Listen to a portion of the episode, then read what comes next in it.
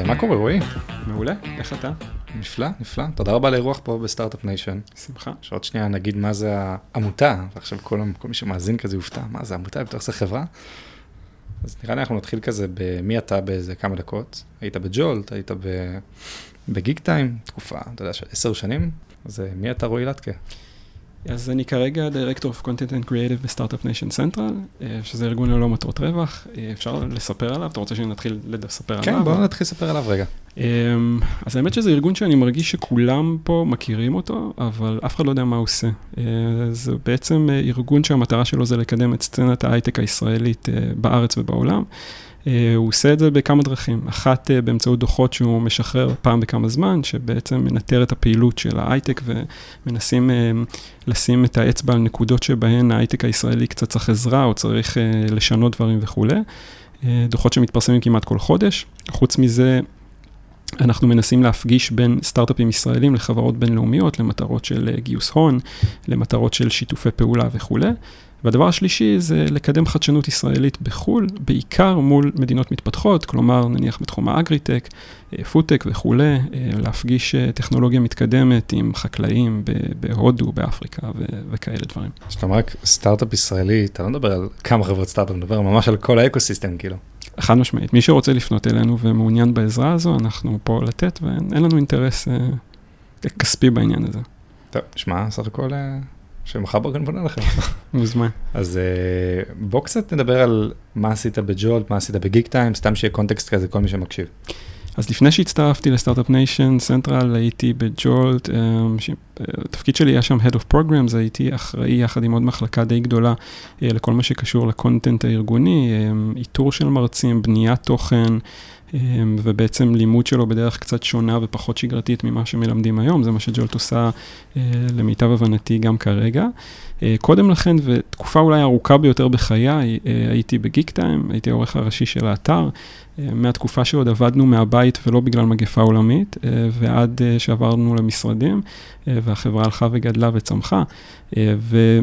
וגיק טיים, אני לא בטוח שצריך להסביר, אבל זה אתר שמסקר את תחום ההייטק והסטארט-אפים. אתר קטן, אתה אומר, כן, מישהו, מישהו בטוח שמע זה. כן, אני חושב שבארץ הוא די מוכר. ויש להם גם אתר בחו"ל, נכון? כן, יש גם אתר, כן. אז רועי, בוא נדבר קצת על עולם היזמים. כאילו, יצא לך להכיר הרבה מאוד יזמים, גם בכובע שלך בגיג טיים, אני מניח גם בכובע של ג'ול, של... פגשת אותם בשלב הפריסיד, אפשר להגיד, ומניח שעם השנים ראית אותם והתגלגלת, וכאילו פגשת אותם גם בשלב הראונד A, ראונד B. איזה דברים אתה חושב שעשו להם את השינוי? אמ, האמת, בוא נתחיל עם כמה, עם קצת נתונים מעניינים על, אה, על, על הסטארט-אפים אה, בארץ. כרגע אנחנו מדברים על בערך 6,500, אה, 7,000 סטארט-אפים שפעילים בישראל. באיזה שלבים, כאילו אם אפשר... זה מאוד מאוד משתנה. אנחנו כן רואים שבשנים האחרונות יש יותר ויותר חברות בשלבי, בשלבים מתקדמים, כלומר C ומעלה, ופחות חברות קטנות. בהקשר הזה, אגב, אנחנו יודעים שרוב הסטארט-אפים לא שורדים את החמש. חמש שנים. כלומר, בערך 95-96 אחוז מהסטארט-אפים נסגרים תוך חמש שנים. ואנחנו יודעים להגיד מה הסיבות שהם... אה, יש 7,000 סיבות שונות, אה, מגיוסי הון אה, לתחרות קשה, לעובדה שנורא קשה עכשיו לגייס עובדים. לך תתחרה עכשיו בחברות בינוניות גדולות שצמחו פה בארץ וגוזלות את כוח האדם האיכותי מכולם בערך. ועוד נתון מעניין ששווה להתייחס אליו, זה שכשאנחנו מסתכלים על לצורך העניין 2014, 2012, אם אני לא טועה, מספר הסטארט-אפים כל שנה שנולדו פה בארץ היו בסביבות 1,000, 1,200, בשיא זה אפילו הגיע ל-1,400 סטארט-אפים ישראלים שנולדו בשנה. וכרגע אנחנו מדברים נניח על השנה האחרונה, 2020, המספר הזה כבר uh, קרוב ל-500. כלומר, הוא הולך וקטן משנה לשנה, זה איזושהי מגמה שנמשכת כבר תקופה ארוכה. אז אנחנו רואים איזושהי התכווצות של סטארט-אפים, uh, של האקו-סיסטם ברמה של פחות סטארט-אפים ישראלים נולדים, uh, ומצד שני אנחנו רואים משהו אחר שקורה. כלומר, יותר ויותר חברות ישראליות שפנו לאקזיטים, פתאום הולכות וגדלות, ויש לנו לא מעט חדי קרן, כרגע אנחנו מדברים כבר על כמעט ל-60 חדי קרן, אה, שזה חברות בשווי מוערך של מעל אה, אה, מיליארד דולר. והשוק משתנה, כלומר, התחום הזה משתנה, הרבה פעמים גם עכשיו מזכירים את העובדה שישראל עוברת מ start-up nation ל scale-up nation. אז זה ככה מין סקירה ממש מהירה של המצב שאנחנו מדברים עליו כרגע. אם אנחנו מדברים, בהקשר של השאלה שלך, כשלי יצא לפגוש יזמים בתחילת הדרך, הרבה פעמים אה, יצא לי לראות אנשים עם המון מוטיבציה, שמאוד חיים את המוצר שלהם, ושלא רואים את כל המכשולים והמחסומים והדברים הקשים שהם יפגשו במהלך הדרך. הם לא רואים או שהם בוחרים להתעלם? הם, אני חושב שהם פחות נחשפו לזה בשלב הזה. כשיש לך רעיון מאוד גדול ואתה צעיר ואתה, אתה יודע, יש לך drive מאוד גדול ואתה מתעלם מהמספרים שהם לרעתך, זאת אומרת, הסיכוי שאתה תצליח הוא, הוא מאוד נמוך. אמ, וזה טוב, זאת אומרת, זה מה שמניע אותך בעצם להתחיל. וכשאתה מסתכל עליהם לאורך הדרך, אני, אני חושב שכשלי יצא להכיר לא מעט יזמים בתחילת הדרך, ונניח אחרי כמה שנים, יצא לי לראות אה, אנשים צעירים בלי גבולות שהפכו לאנשי עסקים. כלומר, זה לא שהדרייב אה, עבד שם, כן? אבל פתאום אתה... ההחלטות שלך הן, הן, הן שונות, הן, הן כאילו מגיעות ממקומות uh, אחרים. אתה מסתכל על הדברים בצורה שהיא הרבה יותר עסקית, יותר רציונלית. בוא רגע ננסה לתת דוגמה, סתם כזה שיהיה, כל מי שמאזין, שיהיה לו עכשיו איזה משהו, לתפוס כזה את ה... אז אני, אני, אין בעיה, אני כאילו לא, לא אזכיר uh, שם של בן אדם או של חברה ספציפית, אבל אני כן יכול נניח לתאר סיטואציה שכשהיינו בגיק טיים, uh, הרבה פעמים סטארט-אפים פנו אלינו כי הם רצו להטמיע מערכות אצלנו. אה, כי זה שירת אותם מכל מיני כיוונים, גם על הדרך יכולנו לכתוב על זה. אה, ואני זוכר אה, שהייתה איזושהי חברה שפנתה אלינו, סטארט-אפ מאוד קטן, היום הוא, הוא עצום ומאוד מצליח, שרצה שנטמיע איזושהי טכנולוגיה אצלנו. והיזמים באו וישבו איתנו במשרד והיו קשובים לכל הערה ופידבק ופיפס קטן וכולי, ועבדנו צמוד אליהם.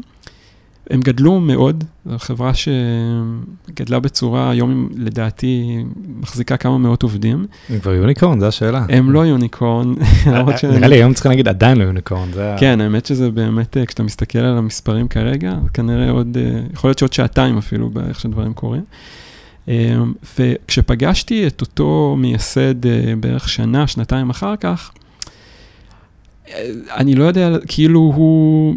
החשיבה שלו, ובצדק, אתה יודע, יש דברים אחרים שכבר העסיקו אותו, הוא לא היה מחובר למוצר באותה צורה. זאת אומרת, הוא לא, הוא לא ידע בדיוק מה מעסיק את הלקוחות שלו, הוא לא היה מודע לרמת הפידבקים יותר מדי, הוא לא היה מעורב בדברים הקטנים.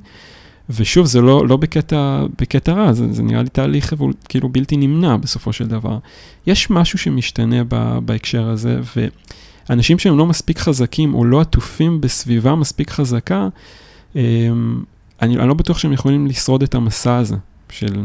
אני סתם ישר, אתה אומר לי כאילו, יזם שחי את המוצר, ישר קופץ לי אילון מאסק באיזשהו מקום, שהוא באמת, הוא באמת חי את המוצר שלנו, כמה שזה, אתה יודע, לטובה ולרעה, הוא גם חי את הטוויטר, אבל זה כבר משהו אחר, אבל השאלה זה משהו טוב, כאילו, האם, האם יזם באמת צריך לחיות את המוצר שלו לאורך כל הדרך, או שהוא יכול בשלב מסוים להפסיק, להגיד, אוקיי, יש Head of Product, יש VP Product או whatever, ואני עכשיו מתעסק בצד הביזנס, איך לעשות ה-IPO, איך לעשות סקלביליות יותר גדולה. כאילו, מה...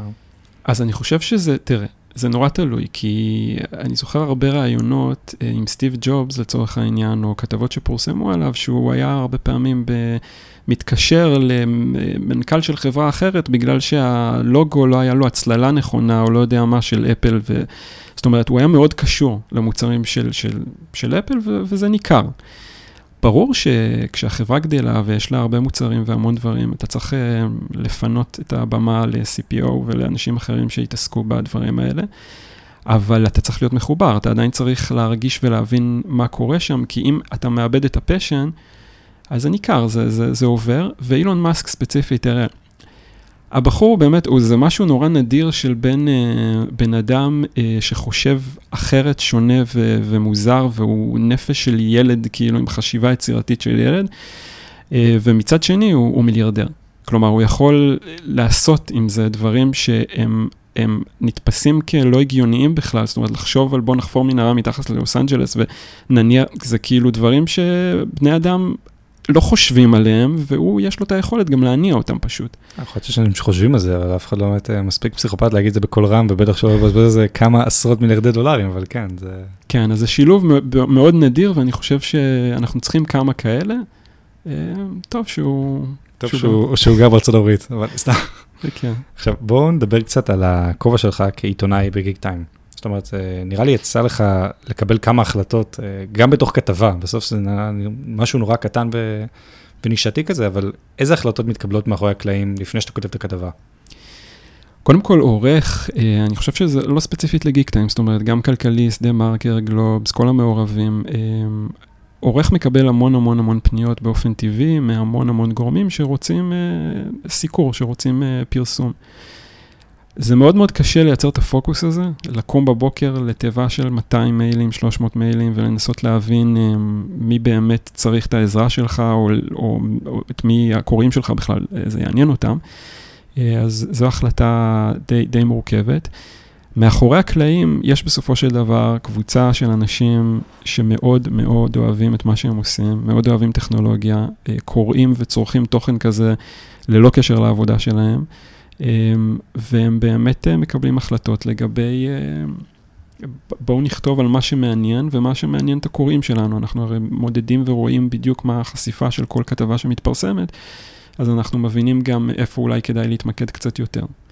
וכאילו, תכלס, הכתבות בסוף זה המוצר שלכם באיזשהו מקום, אם אני רוצה שנסתכל עליכם בתור חברה, וכמה אתה כ...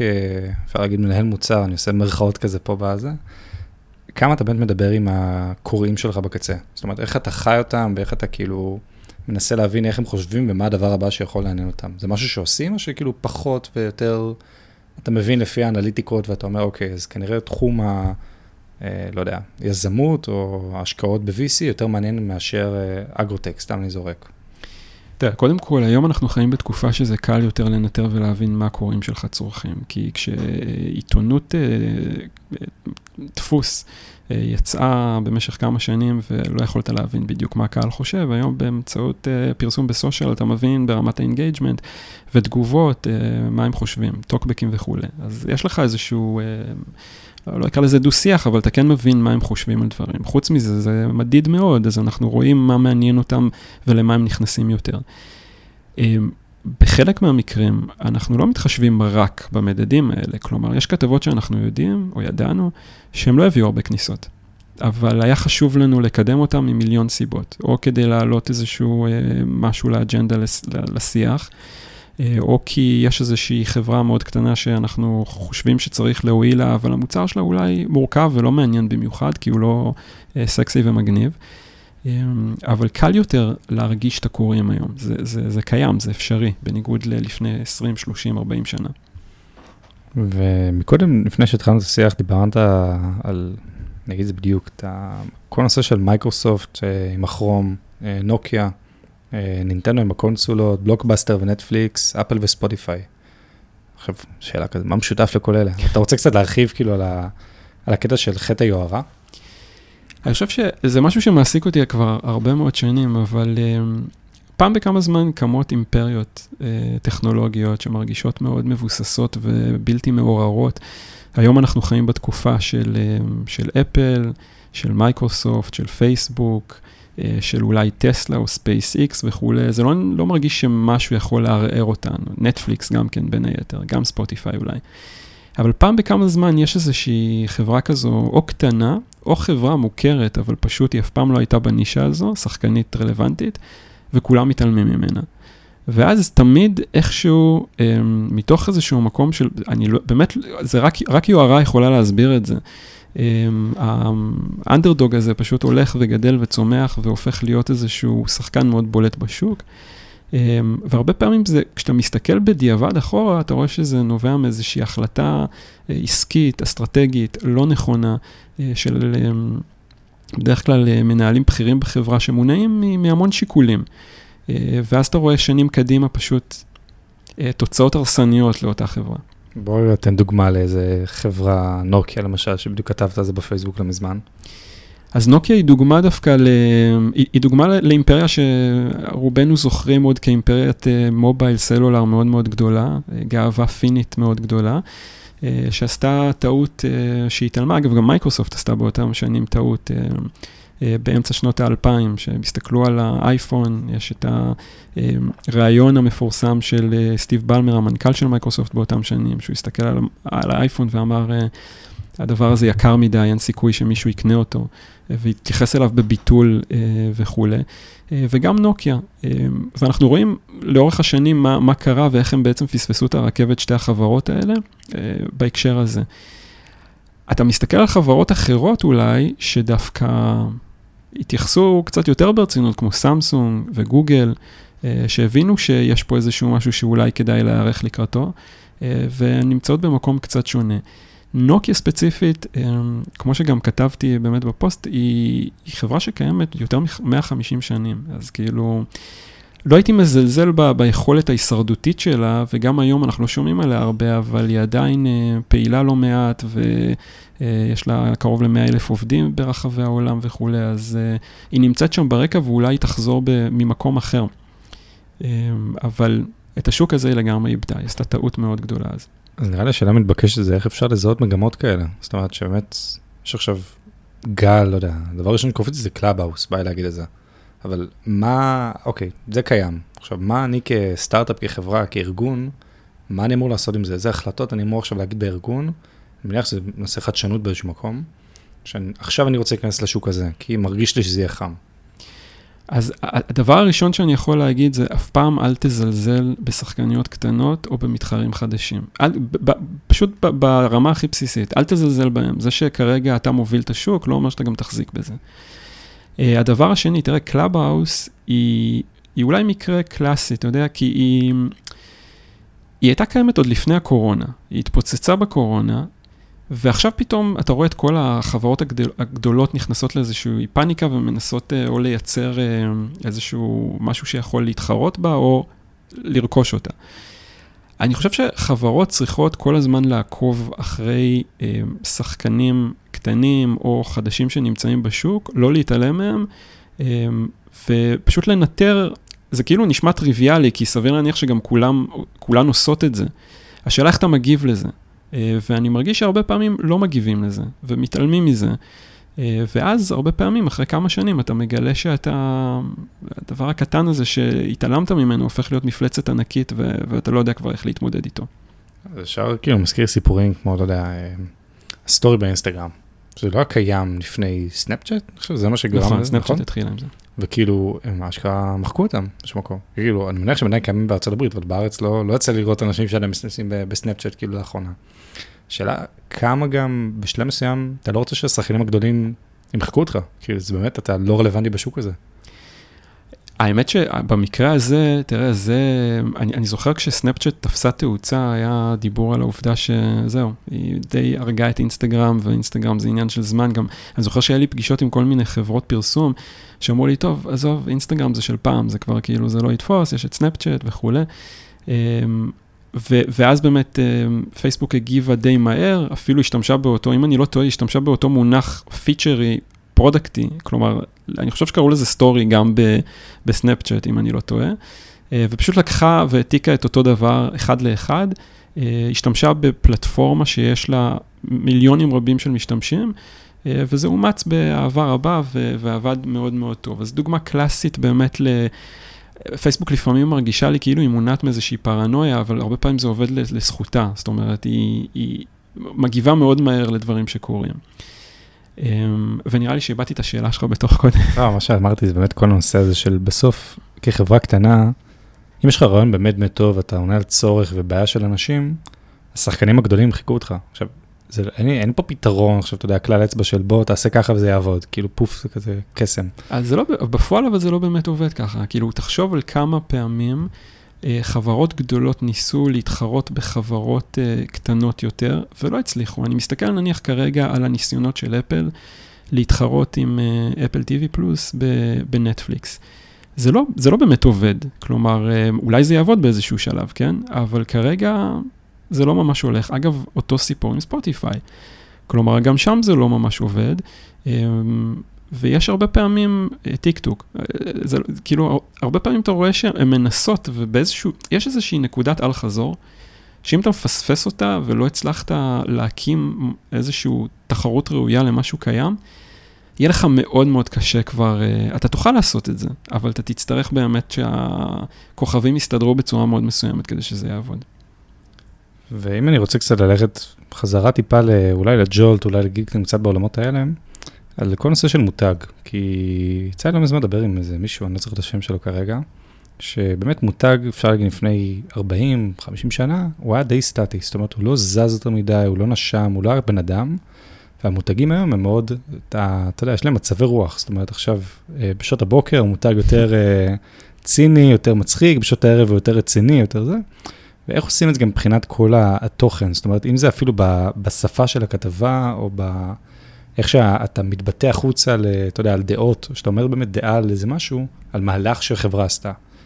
איך זה נראה מאחורי הקלעים מהצד שלכם? זאת אומרת, כמה באמת חשיבה יש בזה, שזה מאוד פרסונלי למי שכותב את אותו, את אותו אזור תוכן, כאילו. קודם כל, זה, זה נכון, אני, כאילו, אני מרגיש שבאמת יש איזושהי האנשה שחברות עברו. אנחנו מסתכלים עליהם כבר כאיזו אישות מסוימת שאנחנו מתחברים אליה, לא מתחברים וכולי. Um, בסופו של דבר מרגיש לי שיש המון DNA ארגוני שמשפיע, כלומר, אם המייסדים הם uh, מאמינים גדולים בדייברסיטי, או מאמינים גדולים ב... אה, לא יודע, כל מיני אג'נדות אה, שקשורות לסביבה וכולי וזה, אז, אז הרבה פעמים זה משהו שפשוט מחלחל לתוך החברה ועושים את זה, ואז המותג עצמו נצבע. כלומר, זה פתאום אה, קורה. אה, אבל כן, יש גם אה, כל מיני, אתה יודע, גימיקים, טריקים של marketing, שהמטרה זה להישאר בשיח, להישאר רלוונטי, אה, להישאר מעניין, ואתה מתאים את עצמך גם למה שהקהל אומר.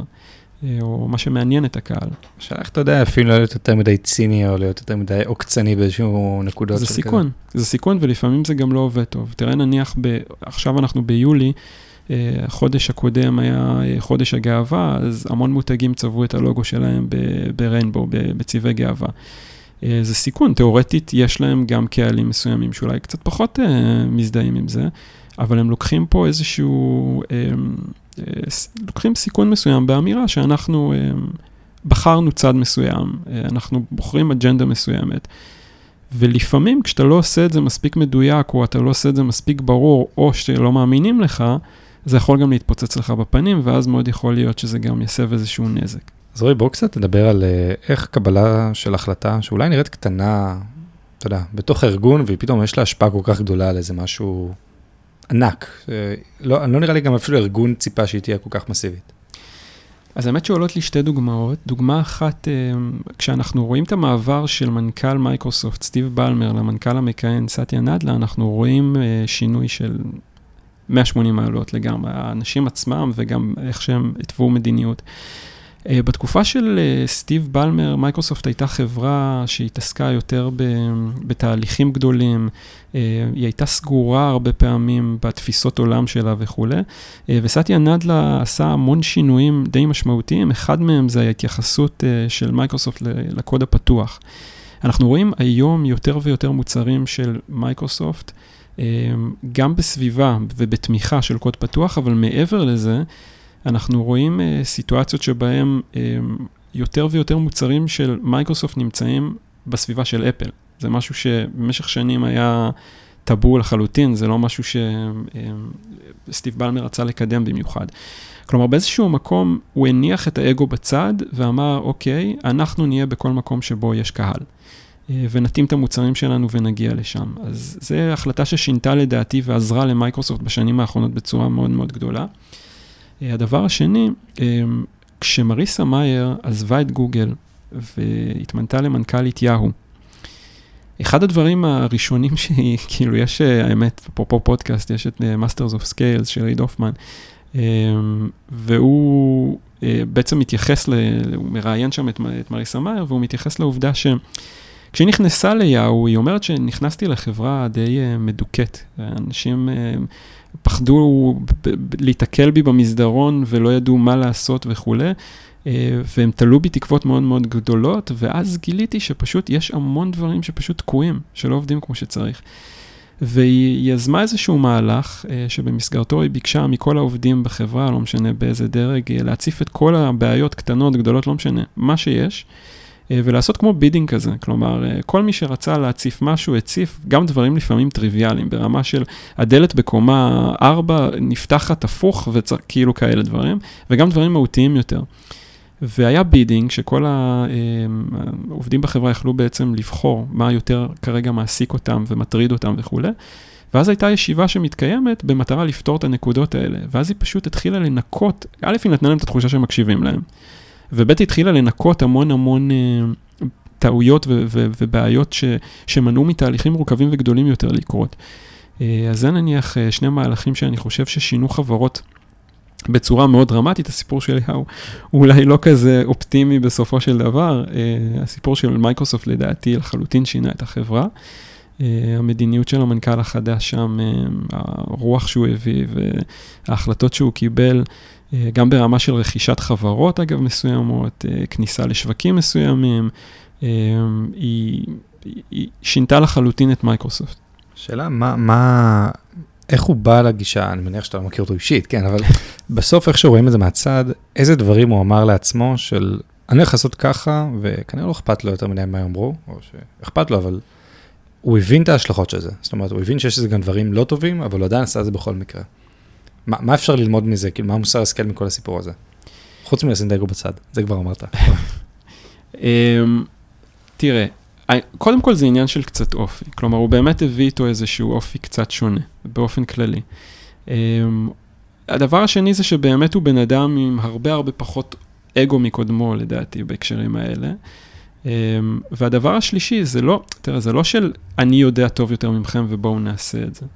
אה, בסופו של דבר אתה צריך אה, להקשיב לאנשים שנמצאים סביבך, אבל כשאתה נכנס לחברה מסוימת, טוב, במקרה הזה הוא כאילו, הוא צמח מתוך החברה. אבל כשאתה מגיע לחברה מסוימת, הרבה פעמים אתה מגיע לתרבות ארגונית קיימת, ואם היא גרועה, היא גרועה. כאילו, אה, אתה, אתה צריך, אתה לא יכול אפילו להתייעץ עם האנשים שנמצאים שם, כי הם, הם כבר לא שמים לב למה קורה. ואתה צריך באמת לעשות סוג של אזהרה, כלומר, לצאת החוצה, להבין מבחוץ מה, מה צריך לעשות כדי לנער את החברה ולשנות אותה. לפעמים אין צורך לעשות את זה, אתה יודע, לא תמיד צריך לתקן משהו שלא מקולקל, אבל בהרבה מקרים זו הזדמנות של מנכ"ל להנחיל אה, שינוי די משמעותי ש, שישנה את, ה, את המדיניות, התרבות הארגונית, את המהלכים העסקיים של החברה, אה, להראות לה איזשהו חזון או כיוון אחר לגמרי. מגניב, אז רואי, אנחנו לקראת סוף הפרק. אה, אני תמיד אוהב לסיים את הפרק עם איזשהו טיפ זהב כזה לכל מי שמאזין. כל תחום שאתה רוצה, אין איזה משהו, לאו דווקא קבלת החלטות. יש לך איזה משהו שקופץ לך, אני אשמח אם תוכל לשתף את כולם, שאתה יכול להגיד, אני עשיתי ככה וככה, או שתעשו ככה וככה, וככה תגיעו לירח. או לא לירח, אבל כן. או שתחברו מלרון מתחת ללוס אנג'לס. הירח זה הכי שנות ה-60, אנחנו כבר מדהים, מדהים, נכון, זה ה... אה, טוב, אני יכול להגיד לך האמת אה, לגבי משהו אחד שמשנה את החיים שלי בצורה די דרמטית בשנים האחרונות. אני מרגיש שבשנים האחרונות אני מתחיל לפתח מין הפרעת קשב וריכוז לחיים האלה בערך, כי, כי יש לנו המון הסחות דעת סביבנו וזה מאוד מקשה עליי. בחודש, זה כבר כמה שנים האמת, אני מייצר אה, סוג של סביבות סטריליות בחיים שלי. אה, שבהן לצורך העניין, אה, בשעה הראשונה של היום אני לא נוגע בסמארטפון בכלל, בהליכה לעבודה אני עם עצמי, רק נותן למחשבות לרוץ. אה, שעתיים לפני השינה אני לא נוגע בסמארטפון בכלל, לחדר שינה אני לא מכניס בכלל מסכים. אה, אני יוצר מין אזורי בידוד כאלה מדברים שגורמים לי קצת אה, לאבד את עצמי, ואני חושב שזה איזושהי מגפה ש... שאנחנו לא, אנחנו עדיין לא, לא באמת מבינים מה, כמה היא משפיעה על החיים שלנו.